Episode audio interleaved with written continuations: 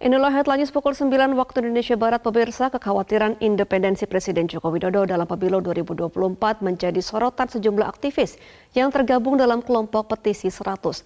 Dalam pertemuan dengan Menko Polhukam Mahfud MD beberapa waktu lalu berkembang usulan pemakzulan Presiden Jokowi.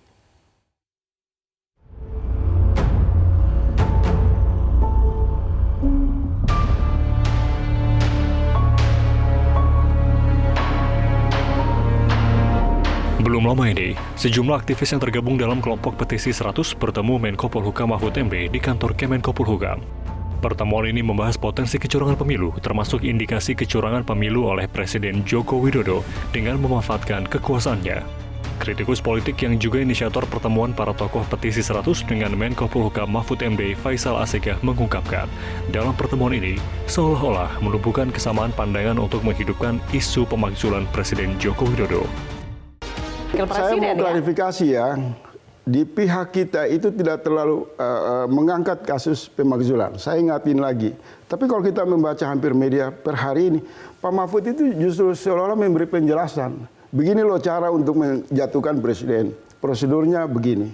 Bahasa yang dikutip di ujung kalimat mengatakan waktunya terbatas itu kan tafsir politik.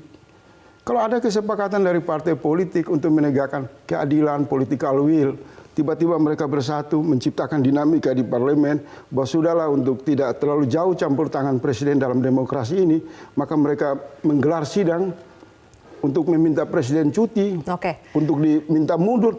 Saya kira bisa terjadi.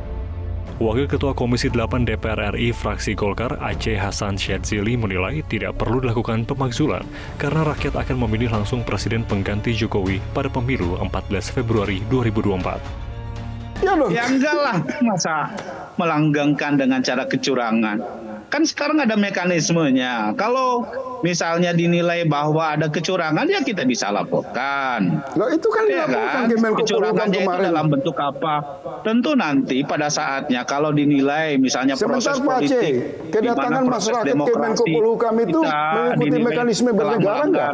Aturan dan lain sebagainya kan nanti ada Mahkamah Konstitusi yang Loh, bisa menyelesaikan berbagai sengketa pemilu.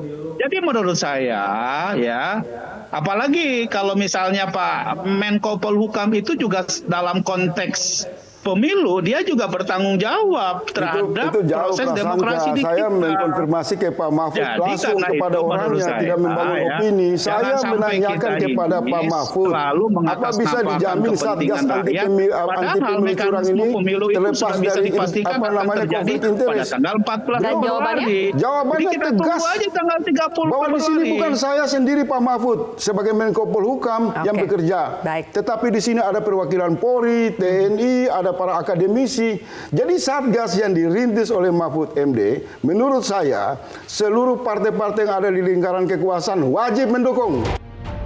Kelompok Petisi 100 mendorong agar Satgas Pemilu bentukan Mahfud MD yang juga cawapres nomor urut 3 bisa bekerja independen tanpa adanya indikasi kecurangan dan hanya menguntungkan paslon tertentu. Tim Liputan Metro TV. Jelajahi cara baru mendapatkan informasi. Download Metro TV Extend sekarang.